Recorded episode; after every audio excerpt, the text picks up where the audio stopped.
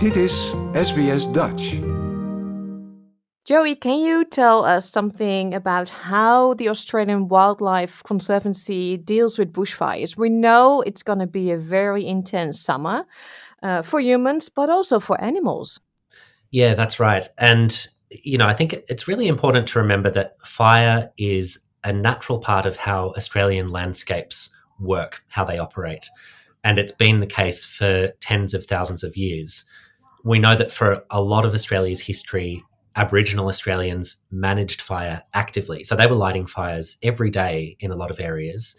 And that had a very big impact on the patterns and the timing of fire in these landscapes. So that's what our landscapes are used to. They're used to people lighting fires regularly.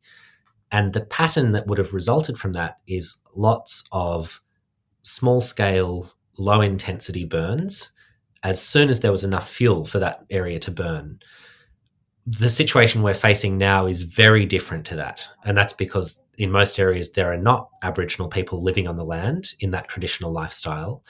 And those customs of traditional burning have largely been lost, have been completely interrupted by colonization.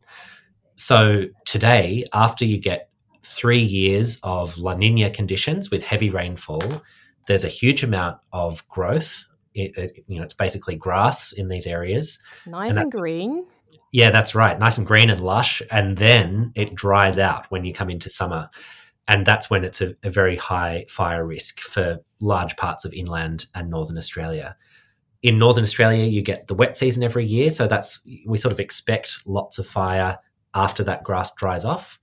But in central Australia, it's much less often that you've got that amount of fuel ready to go off all at once. And that's just what's happened this year. So, as for getting ready for fires, you know, we're facing this situation with lots and lots of fuel and not enough fire, you know, actual prescribed burning has been done to prepare for that in most areas.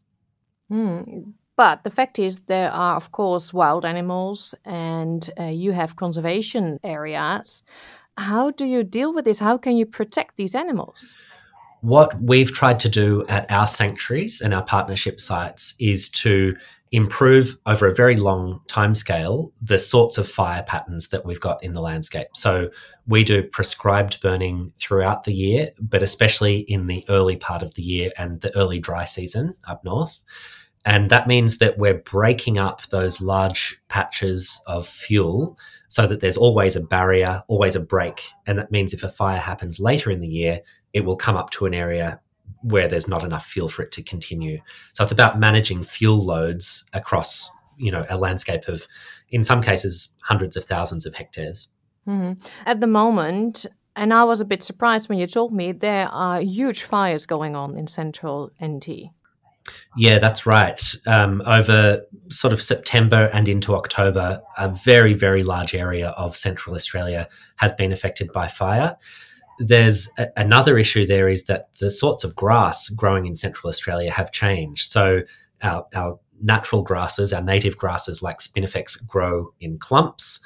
Um, but with pastoralism, we've introduced grasses like buffel grass, and buffel grass grows like a carpet so it carries fire much more readily and it becomes this huge fuel source for fire. So that's one of the other reasons that fire is spreading so much more quickly now than it might have 100 or 200 years ago.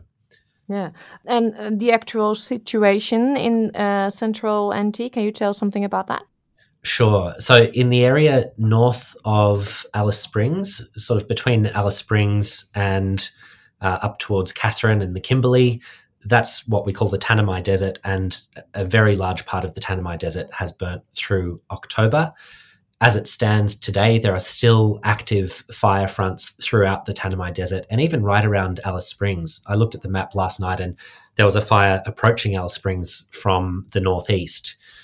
I guess people in this part of the world are used to seeing fires. That's, you know, it's a little bit part of the day to day up there but the scale of this year's fires is is really something quite different. Um, and as I mentioned, it, it's largely to do with La Nina, so the the big fuel load resulting from those wetter years that we've had, and now coming into El Nino, the drier conditions. Um, that's the reason that there's so much fire around at the moment. Mm-hmm. And does the uh, AWC work with local Aboriginal communities to manage the fires, uh, to prepare the ground and to avoid big bushfires? We do. So we've got a, a long-standing project at New Haven, which is a, about four hours northwest of Alice Springs. And just last year, we announced a new partnership to the east of that called Ngalurrtju. And that's working very closely in partnership with traditional owners and ranger groups at Ngalurrtju Aboriginal Land Trust. So the total area that we manage now in Central Australia is about 600,000 hectares. It's, it's massive. And at both of those sites, we're employing people from the local communities, from Nyirripi, from Alice Springs, from Papunya and Yuendumu. Um, and some of those people are traditional owners for this country. Uh, they do have a level of expertise in, in lighting fires at the right time of year. And, you know, it's not just for protecting wildlife, there are cultural reasons for doing those burns at different times as well. So bringing that local expertise together with our you know western scientific understanding of mapping fire patterns of the ecological requirements for different species. It means we've been able to prepare our sanctuaries and partnership sites in a, a really good way. It's it's been very effective. And that has meant lots of prescribed burning earlier in the year but also having you know fire breaks like tracks making sure we've graded and you know upgraded the tracks so that they're ready to access different parts of the property if we need to. And then if fires are threatening, we can actually light back from those breaks to control the spread of those fires later in the year. Yeah, because obviously in suburban areas you fight fires with water. Well, that's a different story in Central Australia. Yeah, absolutely. Um, and fighting fire with fire um, it's a good phrase, but it also is literally the most effective thing you can do. So if you reduce fuel across an area that stops the fire from spreading, that's a very effective way of of controlling to some extent where that fire spreads. Yeah, you, you told me about this website where you can see where the fires are burning. I will share this uh, link on our website for people who are interested. Um, can you tell me something about um, the animals, the wildlife that has been hit by these fires? Um, you know, in large parts of Central Australia, lots of animals have already gone extinct, and we think changed fire patterns are part of the reason for some of those extinctions. The work that Australian Wildlife Conservancy is doing is to try and restore populations of some of those species, especially small mammals. So these are things like bandicoots, bettongs, bilbies, lots of cute things starting with B. And you know, we, we've been able to re-establish populations of these animals at New Haven within a big fenced reserve where we've removed all of the cats. We've spoken about that previously. Um, but one of the devastating impacts of fire is that it, it removes shelter and cover for these animals. So that means that after a very big hot fire, they're extremely vulnerable to predators. So that might be wedge-tailed eagles or owls or pythons or goannas. Um, but on top of that, now they have to deal with foxes and cats. So that has been a devastating combination for native animals in Central Australia. Yeah.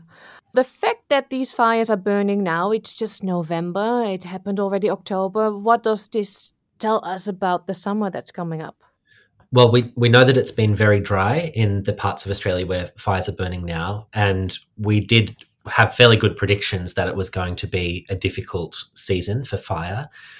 One of, well, some of our managers in this part of the world have said it's actually preferable to have fires in October than in December, say, when it's much, much hotter and much drier.